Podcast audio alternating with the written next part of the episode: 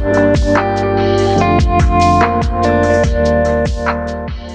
er flere reportasjer det siste året om barn som har dødd i offentlig omsorg, bl.a. som følge av selvmedisinering med rus.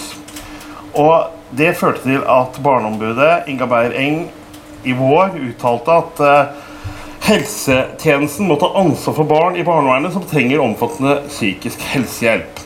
Og vi spør hvordan skal ungdom med rus få hjelp og behandling? I barnevernsinstitusjonen alene? Av spesialisthelsetjenesten? Eller er det samarbeid? Eh, og hvordan skal vi få det samarbeidet til å fungere? Det skal vi prate om en drøy halvtime, 40 minutter framover. Eh, og jeg har tenkt å starte med deg, Eivind Kjøsvik, som er eh, Du er institusjonsleder i Humana i Trondheim. Og jeg har lyst til at du skal komme med en litt sånn virkelighetsbeskrivelse. Hvordan, altså, hvordan ser det ut der ute? Altså, er det ja, Fortell litt om virksomhetsbildet, så jeg ikke legge, ord i munnen på deg. Nei, eh, takk. Det kan jeg prøve på. Eh, så Vi som jobber fra feltet, kan jo kanskje se at hjelpetiltakene på rus er litt sånn fragmentert. Eh, det er ulikheter rundt i distriktene når det gjelder hjelp og støtte. Og Diskusjonen blir jo da sant, hva er barnevernet sitt ansvar, og hva er helsetjenesten sitt ansvar. Eh, på generelt grunnlag så er jo rusbehandling eh, hovedsakelig helsevesenet som har ansvaret for. men vår erfaring er jo at unge kanskje ikke får den helsehjelpa på rus som de er i behov av de som har tung rusproblematikk. Så da er jo da spørsmålet hvem er det som skal ta den ansvaret. Staten eh, tar jo nå og plasserer ungdom som da har behov for rusbehandling i rusinstitusjoner i barnevernet. Eh, og Da er det jo litt opp til institusjonene da, for å skape gode samarbeidene og få den hjelpa fra BUP f.eks., helsetjenestene, eh, andre samarbeidspartnere for å få den gode helsehjelpa. Men, men, det du beskriver nå, det er en slags ideell situasjon. ikke sant? Sånn kan det være. ikke sant? Og så, og så, har jeg lyst til å høre hvordan er det egentlig? ikke sant? For at det, Noe av narrativet her er jo at dette fungerer ikke sånn som det skal. ikke sant? Eh, hva, hva, er det som faktisk skjer da? Altså med disse ungdommene som ikke får den hjelpa de skal ha? For det er jo en faktum at mange av dem ikke får. Ja, Det er jo, det er jo mange saker der eh, ungdom ikke blir fanga opp. Sitter på gutterommet sitt, ruser seg, eh, ruser seg til grunne. Eh, og det er ikke de gode hjelpetiltakene for dem som kanskje trenger litt tyngre hjelp. Sant? alle som ruser seg, trenger jo ikke å havne under en helsehjelp. Eh, alle ungdom som ruser seg, trenger ikke hjelp, men det er dem som ruser seg såpass at de er en fare for seg sjøl eller andre som virkelig må fanges opp. Eh, og hvis det ikke er et tilbud til dem, så vil familiene, ungdommene, slite veldig. Mm. Og Det er derfor vi da i Humana Trondheim vi har åpna to rusinstitusjoner. Åpner den siste nå i oktober. Eh, og Det er fordi at vi ser at det er et så stort behov for ungdom til å ha et behandlingshjem. Altså, det er jo Barnevernsinstitusjon heter jo, men vi liker å kalle det behandlingshjem. Der ungdommen faktisk får god behandling, hjelp til motivasjonen sin. Prøv å finne indre motivasjon til å slutte å ruse seg. For det er jo ikke hemmelighet at ungdommer 15-16-17 det er ikke så stor motivasjon til å slutte å ruse seg. Eh, motivasjonen fra at kanskje har gått på noen store smeller, eh, at du ser de negative effektene, har kanskje ikke kommet inn. da. Og Da vil jo da en barnevernsinstitusjon etter et behandlingshjem med målgruppe rus mm. vil jo da være hensiktsmessig for å finne motivasjonen. Prøve å ramme dem inn så godt som mulig. Holde dem unna sentrumsnære strøk og alt det der. Så det, det er det vi jobber for. Mm. Og Vi skal snakke om hvordan akkurat det er senere, men bare sånn folk skjønner det man, hva, er, hva behandler man på en rusinstitusjon i forhold til hva man skal gjøre i helsevesenet, sånn at jeg har det helt tydelig? Altså, eh, På en rusinstitusjon så er hovedjobben det å finne motivasjon. Eh, da er det et helhetlig behandling av hele livet. Hvordan mestre livet.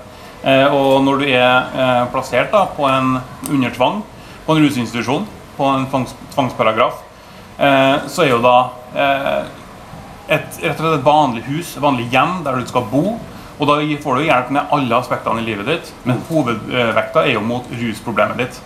Og som jeg sa i stad, det å finne motivasjon til ønska endring Altså All kognitiv atferdsterapi, eh, ingenting vil jo funke hvis ikke du har en egen motivasjon. Du kan jo snakke og snakke og snakke om ting hvis de ikke har egen motivasjon, så kommer de ikke til å gå inn. Eh, det er det som er hovedvekten da, på barnevernsinstitusjoner. er jo da så blir det da koble inn da, eh, spesialisthelsetjenesten. sant? BUP, få BUP på banen, behandlere, folk som faktisk har en tyngre kompetanse eh, på rus. Eh, og det helsemessige. ikke sant? Om det skal være medisin og sånne ting. Det er jo ingenting barnevernsinstitusjoner har noe med. Sant? Det er det spesialisthelsetjenesten som gjør. Sandra Bruflot, du jo, sitter jo i helse- og omsorgskomiteen eh, for Høyre. Eh, Det må jo bekymre deg når du, når du leser disse sakene, disse ungdommene som, som, som ruser seg og faller imellom alle stolene, barnevern, helsevesen. Hvorfor er det så vanskelig å fange opp dette her?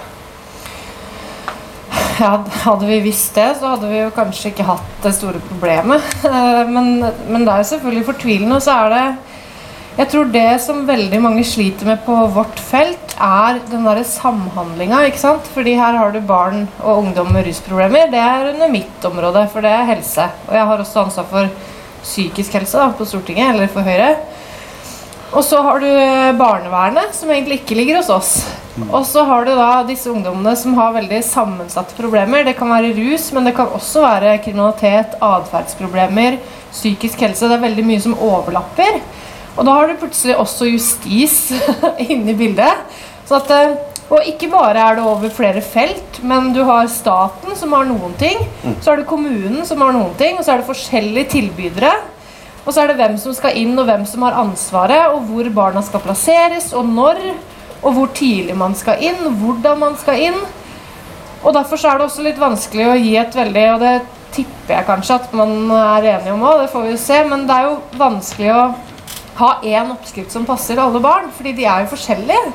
Noen trenger kanskje mer eh, ambulerende hjelp, da, mens andre må faktisk og bør inn på en institusjon. Og for noen så er alternativet justisvesenet, og da veit vi jo at sjansene øker veldig for en kriminell løpebane og større rusproblemer seinere. Sånn at det, det er kjempevanskelig, og det er jo ikke akkurat eh, jeg kan si Det er veldig mye fint og hyggelig med helsekomiteen, men det er veldig mange skjebner også som det er veldig vanskelig å vite hva man, akkurat konkret hva man skal gjøre med, da, for å være ærlig.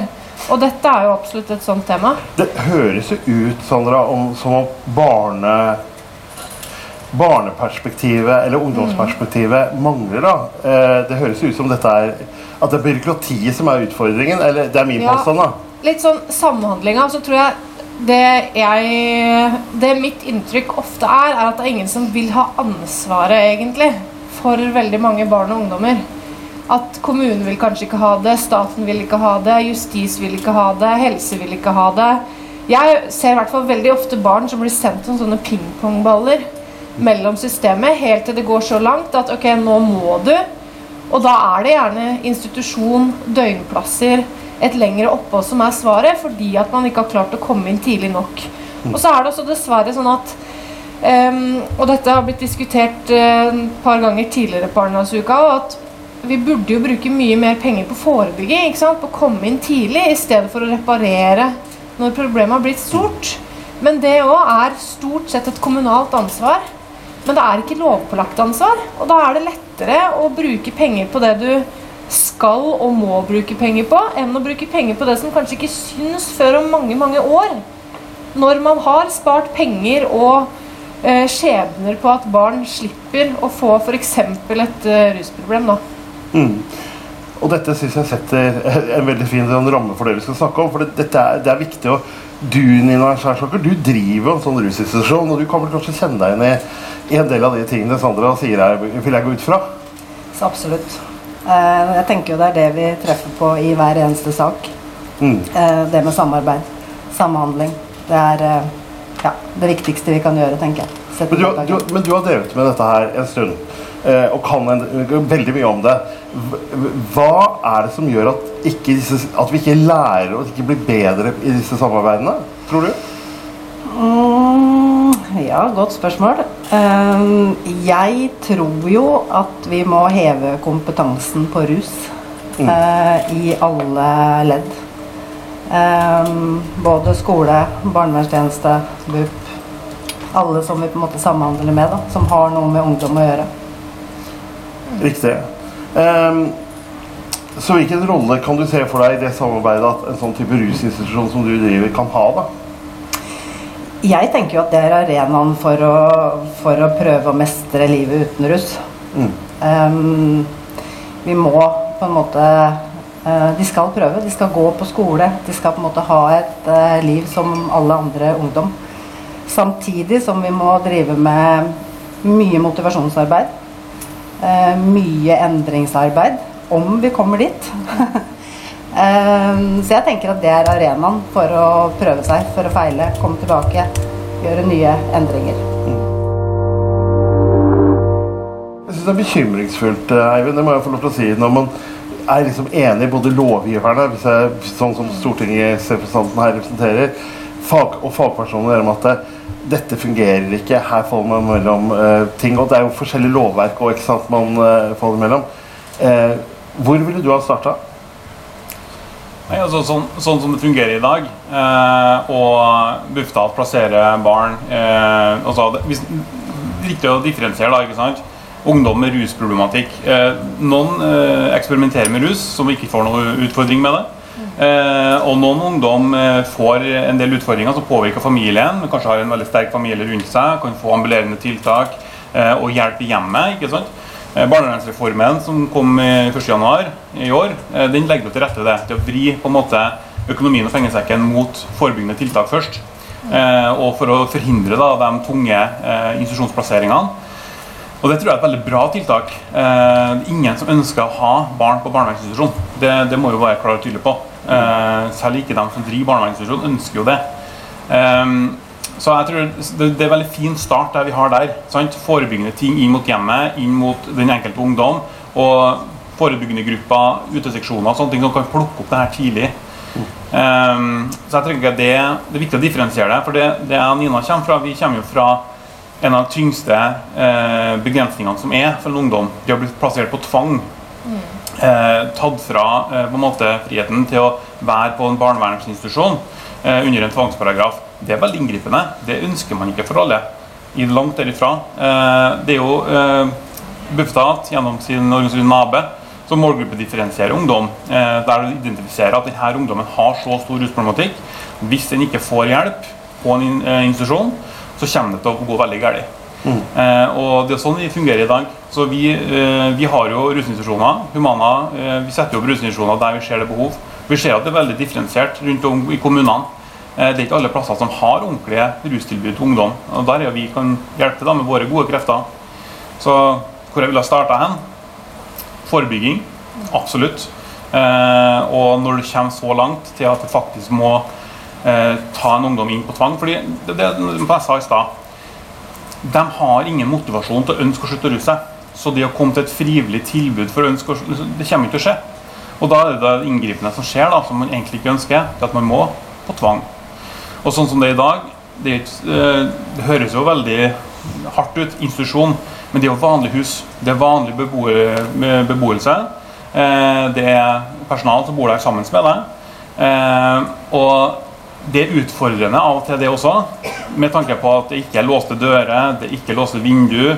Og ungdom som er litt desperat etter rus, de hopper jo ut og er på rømmen. Og det er jo også en utfordring. Så kanskje man skulle hatt enda et ledd til dem som er helt, helt, helt, helt desperat og ønsker ikke å være der.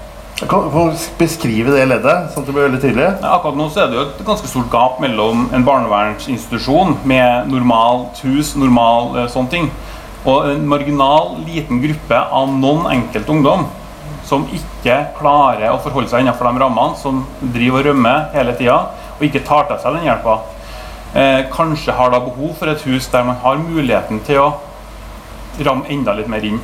Eh, og det, som jeg sier, det er viktig å presisere, det er det ytterste få. Ikke sant?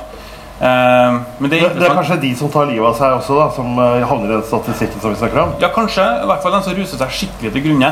Ikke sant? Som ikke har noen, noen, noen interesse, og som har en sånn eh, indre drive på å virkelig stikke av. Ikke sant? De ikke får tak i dem i forhold til relasjon og hvordan få endringer. Eh, fordi altså, Det å sette ungdommer i fengsel pga. det, det blir jo litt ekstremt. sant? Så vi må Skal man ta diskusjonen om man skulle hatt et ekstra mellomledd der?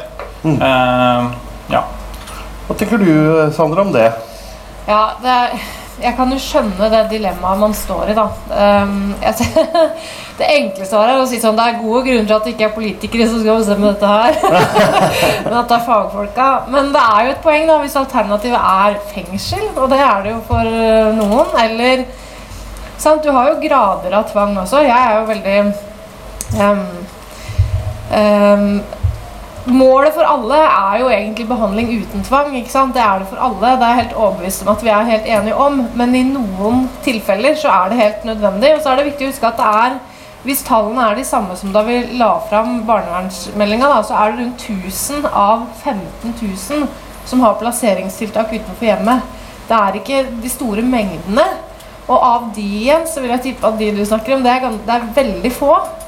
Men det er jo sant, så lenge det er Det er jo barnets beste som skal være utgangspunktet her. Selv om jeg kjenner det liksom rykker i ryggraden med en gang man snakker om mer tvang og, og låste dører, så kan jeg skjønne hvor det kommer fra. I hvert fall. Um, men jeg tror i hvert fall det er to ting også som det er veldig bra at man har fått på plass. Det ene er denne helsekartleggingen av alle barn og ungdom i barnevern. fordi det har man faktisk ikke hatt før det kom inn i barnevernsmeldinga. Og det andre er disse kompetansekravene. Og jeg tror også eh, at eh, man må få opp kompetansen på rus spesielt. Det er kjempemange som er gode på både familierelasjoner og mye av det som gjøres, er kjempebra. Men på rus så tror jeg både altså, Veldig mange av de som jobber med rus, har masse kompetanse på det og har egen erfaring. Og det er bra med både recovery-tankegang, og det er veldig mye bra som gjøres på rusfeltet. Men jeg tror også at som hvis du har et barn med veldig sammensatte problemer, da, så møter du veldig mange mennesker før du møter den personen som har den kompetansen på rus. Og der tror jeg det skorter, altså. Eh, ganske mye. Både på hvordan man møter barn har, eller ungdommer som har rusproblemer. Hva som funker og ikke funker. Det har vi fått en debatt eh, om nå eh, i forbindelse med rusreform. Og, og, hvordan man egentlig kan bygge relasjoner til den ungdommen som kanskje ikke har så mye tillit til myndighetene. Mm. Og det gjør også at hele dette spørsmålet med tvang er liksom flerdimensjonert også. fordi på et eller annet tidspunkt så må du få det tillitsforholdet. Mm.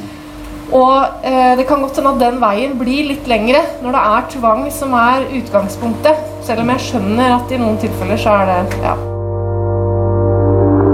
Men du, Nina, som ordentlig har skoa på, for å bruke en, for å bruke en klisjé, og er på rusinstitusjon, jeg har lyst til å høre dine tanker rundt det. altså det er vanskelig å jobbe med ungdom og rusproblematikk. De er kanskje 15-16-17 år. Um, ruser seg kanskje massivt. Mm. Har ingen, eller de fleste, har ingen motivasjon i forhold til å slutte å ruse seg. De har på en måte ikke sett baksida i forhold til det å ruse seg. Mm. Og det ser jeg på en måte på avdelingen hos oss også. Vi bruker lang tid på motivasjon. Der er de plassert på tvang. Jeg ser at vi, vi bruker lang tid på å motivere eh, ungdommene til å i det hele tatt ta imot eh, hjelp. Det å få en relasjon til de rundt seg. Um, første tida den går med til det. Um, relasjonsskaping og motivasjon. Og så kan vi på en måte dra inn all metodikken vi på en måte har for å kunne jobbe i forhold til det med endringsarbeid. Men motivasjon og relasjon er kjempeviktig for at vi i det hele tatt skal komme noen vei. i Det hele tatt. Da. Så det høres ut som kanskje det er en slags både-og her, da. Er det, er, det, er, det, er det, anstrøk av problematikk rundt det med private tilbydere, offentlige tilbydere her også, Eivind? Eller er, er, dette, er det irrelevant for denne diskusjonen her? Nei, altså Hvis vi kikker på forsyningsstrategien som Bufetat har satt opp på barnevern, eh, så er det jo Bufetat har ikke satt noen rusinstitusjoner til seg sjøl. Eh, de har eh, forespeila at de skal ta alt av akutt og alt av høy atferd. Men rusinstitusjoner har de egentlig satt ideelle og private, eh, hovedsakelig. Og da er det jo Jeg tenker jo, som jeg starta litt med i stad, at det er jo litt sånn eh, differensiert, litt ulikhet i distriktene. Eh, og vi som privat vi kan jo være med og hjelpe til der. ikke sant? Hvis det er noen distrikter noen plasser som har virkelig behov for eh, institusjonen, eh, der du kan ta vare på barna i nærområdet, eh, så kan jo vi være med og bidra. F.eks. i Trondheim nå. Eh, vi starta jo avdeling Laugen. Avdeling Laugen eh, kom til pga. at Midt-Norge hadde et veldig stort behov for rusplasser. Vi som Humana da, vi som har eh, privat, vi kan snu oss fort, organisere oss sånn at vi da rekrutterer de beste menneskene. Vi har rekruttert mennesker snakk om kompetanse her, eh, personer med over 100 års erfaring på rus. Eh, det er dyktige, dyktige folk som jobber her. Vi har en lang eh, prosess da, for å få godkjent husene gjennom Bufetat. Kan, jeg bare få stoppe deg og si bare understreke sånn følgende. Det er ansatt folk med over 100 års erfaring på rus på én institusjon. Helt riktig. Jeg må bare understreke det. er ganske rått. Vi, vi er veldig opptatt av høy kompetanse. Ja. Vi leverer aldri noen tilbud som er bare for å levere noe. Nei. Så det er det Humana også kjent for, og det å levere kvalitet. Eh, og vi åpna institusjonen offisielt etter alle godkjenningsprosesser eh, 1.6. I løpet av 22.6 så var alle plasser tatt. Da var alle plassene belagt. Stort behov. Så stort behov er det i landet. Det betyr at nå eh, driver vi og godkjenner enda en institusjon eh, i Trondheim. For at vi da ser at behovet er så stort. Vi trenger å hjelpe flere, men- flere ungdommer med disse utfordringene. Eh, og Bufetat trenger hjelp, og da, da stipper vi opp og da hjelper vi til. Ja, og det, dette er jo noe som jeg tenker er, er viktige signaler Sandra tar med seg her. Er vi et stortingsflertall som vil redusere rett og slett bruken av private, riktignok øker øke bruken av ideelle. Og så hører vi at forsyningsstrategien til Bufetat rundt disse ungdommene som vi snakker om nå, er på mange måter levert over til private. Ja, som? Høyre-politiker så kan, kan Så, så vet jeg hva du mener om det, men jeg vil høre hva du sier Men, men. Nei, men jeg tenker det er jo det er jo også et bevis på at litt uavhengig av hva man måtte mene rent sånn ideologisk selv, så er det faktisk ikke alle kommuner eller landsdeler eller helseforetak eller hva enn man måtte snakke om, som har kapasitet til å gjøre dette sjøl. Og i mitt hode så er det ikke så viktig faktisk om det er offentlige eller ideelle eller private, så lenge det er et godt tilbud. Det er alle mulige godkjenningsordninger. Det er ikke sånn at hvem som helst bare kan si 'Jeg er barnevern, kom hit'. Og da tenker jeg at man må slippe til alle gode krefter som kan hjelpe disse barna og ungdommene tilbake til, eh, ja, til et normalt liv. Så ehm, ja, jeg eh, Ja, men Det må jo være frustrerende at vi Nå diskuterer vi dødsens alvorlige saker, bokstavelig talt. Og at man har da en ideologisk diskusjon som, kan, som kan svekke tilbudet til disse ungdommene. Ja, det, og det siste nå er at man skal Ja, det er jo både utvalg som skal se på hvordan man kan kaste ut private fra, fra velferd. Um, de fjerner fritt behandlingsvalg, som har mye rus, fra 1.1, uten at tilbyderne egentlig vet hva det skal erstattes med. Det er over 700 plasser. Så jeg tror um, ja, det, det skaper mye usikkerhet innenfor både dette feltet, men på, ja, både innenfor helse, barnevern, veldig mange felt. Så det er frustrerende, men det går ikke inn. Det hjelper ikke hva jeg sier. Vi har prøvd lenge. Men det som er litt eh, Det som også er poeng, da, som kanskje ikke kommer så godt fram, også er jo at man man har jo heller ikke noe fullgodt alternativ. Jeg tror heller ikke det er bra at det bare er det offentlige som driver med ting. Jeg tror det er sunt og bra ja, at vi er flere som tilbyr tjenester. Så jeg det, det Uavhengig av hvordan, hvordan eh, egentlig plass, altså eh, Uavhengig av hvordan kapasiteten hadde vært i det offentlige, så mener jeg det er bra med flere tilbydere. Men det viser seg også at kapasiteten er jo ikke der. Sånn, vi har ikke de folka, vi har ikke de plassene. Og da er det ikke sånn at man bare kan si jo, men vi bare ansetter de som i dag jobber i privat og ideell, inn i offentlig.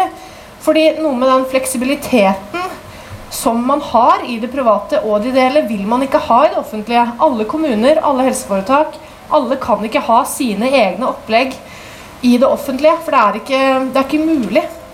Det kommer til å koste mye. Det kommer ikke til å være spesielt eh, Ja. Jeg, jeg har ikke noe trua, ikke noe trua på det, og jeg, jeg skjønner ikke hvordan det skal gå, for å være ærlig. Hva tror du, Nina, som har Jeg skal ikke spørre deg om holdninger til privat eller ikke privat, men jeg vil høre hva, hva vil skje med tilbudet da, hvis de private ikke kan drive dette her sett fra et faglig tidspunkt? Jeg tenker jo at eh, differensierte tilbud på en måte er det aller, aller viktigste. Altså, vi har ungdom som passer inn i det, og vi har ungdom som passer inn i det, og vi har ungdom som passer inn i det. Um, og jeg tenker jo at vi har uh, noe å bidra med inn.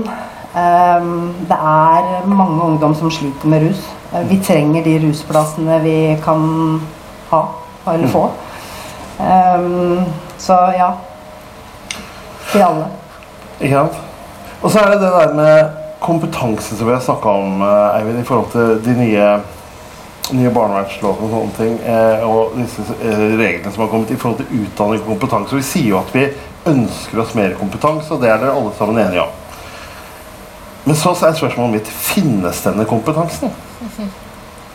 Det er et godt spørsmål. Eh, det, det, du, det du refererer til nå, er jo da eh, nye kompetansekravet. I barnevernet så må alle som ansettes fra 1.1.2022 ha en bachelorgrad. Mm. Eh, og det skal være en sosialfaglig bachelorgrad. Du trenger ikke ingeniør, hjelper ikke. Eh, Nei, takk for det.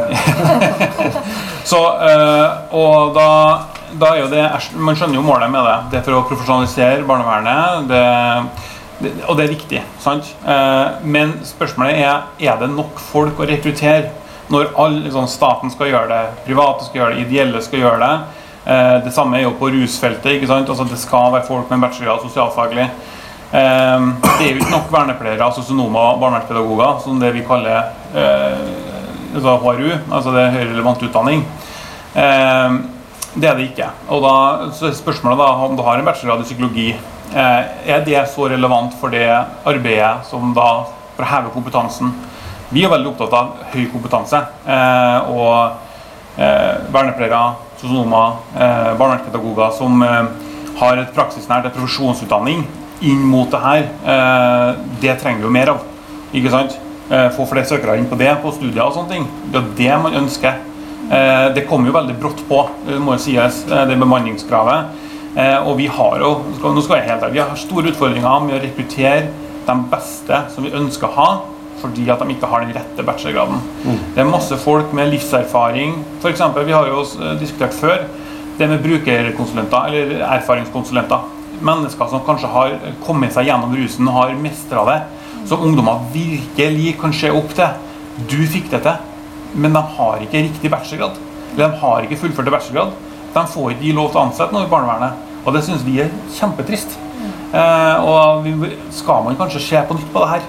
Er det noe som vi kan gjøre for å ta inn de menneskene med god livserfaring, sånn som du virkelig har lyst å være et godt forbilde til ungdommene våre? Det, det håper jeg at vi kan gjøre. Ja, og det, og det tenker jeg er en ren sånn utfordring til deg, Sandra, som stortingsrepresentant. Er det Det var ikke dette som var meningen helt når man eh, gjorde om på disse kompetansekravene? Nei, og det er dessverre det som er litt eh, statusen over hele fjøla, spesielt på helsefeltet. At vi ønsker oss flere både sykepleiere, vernepleiere, leger, eh, psykologer. Og så er det ikke nok folk. Ikke, vi finner det ikke. De finnes ikke. De er ikke utdanna ennå, og det tar lang tid å utdanne dem, og det er kostbart å utdanne dem. Så jeg skriver det ned. Men jeg tenker rekruttering, men også rekruttering av flere menn inn i en del av disse yrkene. Eh, ja. Så jeg, jeg skjønner Altså, er ikke folka der, så er det ikke der. Så det, det kan lages så mange fine politiske mål det bare vil, men fins det ikke, så fins det ikke. Så Eivind? Det er et veldig godt poeng. det du viser der, sant? Eh, Vi ønsker jo en viss kjønnsbalanse i barnevernsinstitusjoner. Eh, altså at Man har forskjellige å relatere seg til. ja. Eh, og hvis vi kikker på hvem er det som faktisk utdanner seg sosialfaglig, sant? det er jo hovedsakelig kvinner. Mm. sånn prosentvis. Og da vil vi jo etter hvert når årene går nå, eh, og det blir tappe på en måte alt av midler og støvsuge markedet, så vil det Mm. jo ikke være nok menn. sant? Eh, og det er viktig da i en barnevernsinstitusjon å ha menn der. Mm. Absolutt. Så det er godt poeng. Veldig godt poeng.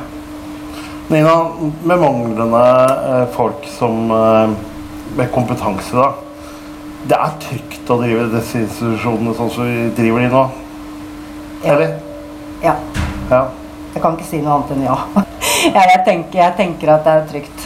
Ja. Og så ønsker vi oss, eh, håper å si, som det blir sagt, både flere menn. eh, og vi ønsker oss eh, de med egen erfaring. Jeg har jo veldig trua på det, at vi må, vi må blande. Um, men ja, jeg tenker jo at det er trygt. Mm. Vi har jo hatt med oss uh, hatt disse pratene før. Vi har blant annet en i juni uh, hvor vi hadde med oss en erfaringskonsulent. Og uh, det var veldig interessant må jeg få lov til å legge til på egen del og høre hva hun hadde å si, og hvor lyst hun hadde til å hjelpe andre ungdom. Og hvor, hvor ganske tungt de tinga hun sa, slo. da. i den debatten. For de som ikke var der, kan jo se det på nettet også. Det ligger på nettsidene våre. Men det er jo vilje til å gjøre noe med disse her. I, i, en, eh, på, I, en, spørretime på Stortinget så fikk jo i vår uh, helseministeren spørsmål om dette her med ja, rundt disse problemstillingene her. Og da sier eh, Kjerkol at eh, det er et mål om å styrke psykisk helsevern og tverrfaglig spesialisert behandling generelt. Og alle helseforetakene har i 2022 fått i oppgave, fått i oppgave sier hun, om å styrke rusbehandlingstilbudet til barn og ungdom. Ja. Er, det tro, er, det grunn til å tro på sånne type formuleringer fra politikere, Sandra? uh, jeg har jo lyst til å svare ja. Um, og de viser jo hele tiden til en sånn opptrappingsplan for rus og psykisk helse som skal komme Jeg tror den kommer i løpet av neste år, men vi jeg vet ikke helt sikkert. Så jeg tror jo absolutt at de jobber med det. Det jeg er bekymra for, er um, det jeg som høyrepolitiker mener er en tendens til at man er litt mer opptatt av å fjerne tilbud, pasientrettigheter, ting som vi har jobba lenge med, i stedet for å kanskje flikke på det hvis man mener at det trengs forbedringer. Man er mer opptatt av å fjerne ting enn å egentlig opprette noe nytt. Sant? Vi innførte den gylne regel. Sant? Et mål om at alle helseforetak skulle bruke like mye eller mer på rus og psykisk helse enn man brukte på somatikk eller fysiske lidelser. Da, kan du si.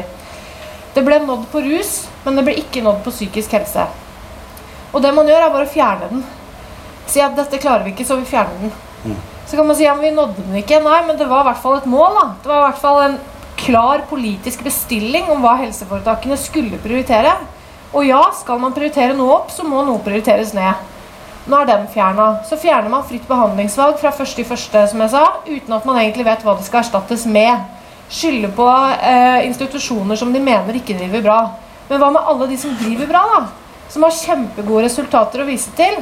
som gjør at ikke bare de med svær lommebok kan få hjelp kjapt på et, eh, og få et tilbud som er mer tilpassa dem, som er differensiert.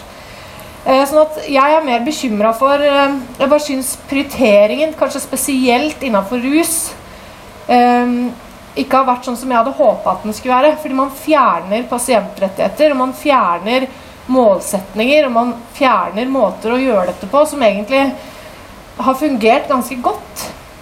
Mm. Og så vet vi ikke hva vi skal erstatte det med, og så fører det til uforutsigbarhet for de som tilbyr tjenestene. Eh, og så sier man at ja, helseforetakene vil ha det sjøl. Ja, selvfølgelig vil de det. Nå skal ikke jeg legge ord i munnen, men det høres jo ganske ambisjonsløst ut, på en måte.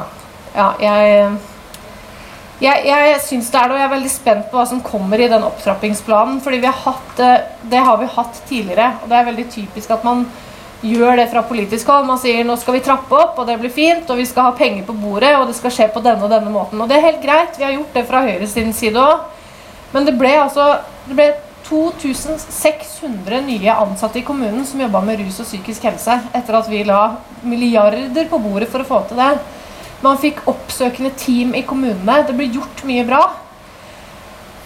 Men jeg er spent på om man egentlig kommer til å fortsette det arbeidet, eller om eh, Ja. Eh, det blir spennende å se hva man legger på bordet. Altså, for jeg, jeg, klarer ikke helt å se hvilken retning det skal ha, bortsett fra at mer skal gjøres i offentlig regi. Og det er ikke sikkert det er det som er løsninga, rett og slett. Eivind, du som sitter og skriver disse tilbudene og, og, og sørger for at uh, disse ungdommene skal få den hjelpa de skal få. Føler du på de samme utfordringene som Sandra trekker opp? Ja, altså Vårt fokus er jo hele tida å tilby best mulig behandling for ungdommene våre. Så eh, Ja, Men blir det vanskeligere, da? Det er egentlig som er spørsmålet. Jeg er litt usikker på å si det. Ja. Mm. Men har du noen ønsker, da? Når vi står her, eh, hvis vi skal begynne å rydde opp snart Hvis du har vært minister for de aktuelle områdene, det kan i hvert fall være to, det, da. Hva ville du, hva ville du, eller Hvis du skulle gitt et råd til de som skulle ta øvelser, hva ville det vært? innenfor dette feltet? Altså, et råd innenfor rusfeltet det er jo selvfølgelig å ha fokus på det. Det vil være da selvfølgelig å se på de skjebnene og se dem som faktisk ruser seg til grunne. Det er så tragisk. Det er så enkelt å få tilgang til rus. Det er så uh, utrolig ødeleggende for dem seg sjøl og familien. Det å satse på det er veldig veldig, veldig viktig. Mm. Rus og psykisk helse henger ofte også veldig sammen. Uh, og det å sette inn uh, tiltakene på begge plassene er veldig viktig. Hva tenker du, Nina, som, som er med disse ungdommene hver dag? Hva er det de trenger? Hvilke råd trenger de som bestemmer og legger føringene, å ta med seg fra, fra din side? Jeg, hvis jeg skal plukke ut én ting, så tenker jeg at jeg ønsker meg et uh, tettere samarbeid med spesialisthelsetjenesten. Um, vi jobber jo med ungdom som har uh, lite motivasjon. og Dvs. Si at de også ofte takker nei til uh, poliklinisk tilbud i BUP eller, eller andre ting. Um, hvor vi tenker at de egentlig er i behov av det. Um, så jeg tenker at jeg ønsker meg et tettere samarbeid der. Har du tanker om hvordan det kan man få til det? Ja Nei, jeg, nei. Jeg, jeg, tenker at det er stor forskjell fra hvilken eh, Jeg tror det er litt sånn personavhengig der, som sikkert veldig mange andre steder, i forhold til hvilken eh, behandler ungdommene får og litt sånne ting. Um, jeg ønsker meg vel kanskje et uh, BUP som er mer ute. Um, kanskje komme ut på avdelingen. Ja. Mm. Og det gjør de innimellom. Også, bare sånn at jeg har sagt at Det er ikke noe at de sier at nei, vi gjør aldri det. De gjør det innimellom, men jeg ønsker meg enda mer av det. Og det handler kanskje om litt mer ressurser, det også, egentlig? Det kan godt hende. Det kan godt hende, ja. Sandra, eh, avslutningsvis og oppsummeringsvis. Eh, nå har jo disse fagpersonene kommet med noen innspill. Hvis du, da, i et tenkt tilfelle i framtiden skulle vært eh, minister for dette aktuelle området her, hvilke tiltak vil du ha satt i gang for å bedre denne situasjonen i forhold til det med rus og, og ungdom på institusjon? Ja, altså jeg um, Kan jeg, jeg velge litt flere, da. Jeg ville gjennomført en rusreform. Uh, fordi den der trusselen om straff tror jeg dytter mange ungdommer lenger unna hjelpeapparatet, som gjør at de ruser seg mer og får et større problem før det blir tatt tak i. Um, det er det første jeg ville gjort. Jeg håper at noen flere flytter seg over på riktig side av historien der. Om skal, skal ikke så mye til, tror jeg. Vi mangler rett parti. De vet hvem de er. Um, og så vil jeg um, Skal vi se hva spørsmålet Gjør det bedre for disse barna. Um, og så er det dette med samhandling. Sant? For du sier Hvis du ville vært minister for dette feltet Problemet er at det er minst tre felt. og veldig mye av det bunner dessverre i en barndom som ikke har vært bra. Mm. Uh, eller ja, enten det er et eller annet på skolen, et eller annet hjemme, et eller annet som gjør at du er i en situasjon der det å ruse seg blir løsninga, eller man ikke ser noe poeng med å slutte å ruse seg. Så det er veldig mye man kan begynne med her helt fra liksom tidlig tidlig barneår, tenker jeg, som hadde vært det beste, å bruke pengene der. Men det er i en ideell verden, da. Men uh, bedre samhandling. Mm. Uh, tror jeg Rusreform og bedre samhandling. Ja, selvfølgelig. Og, og forebygging. Da har vi tre, da. Du har hørt en podkast fra Humana Innsikt. Besøk gjerne vår nettside humananorge.no, eller følg oss på sosiale medier ved å søke opp Humana omsorg og assistanse. Ansvarlig redaktør for podkasten er marked- og kommunikasjonsdirektør Hans Henrik Sørensen. Likte du det du hørte, er det hyggelig om du anbefaler podkasten videre til andre.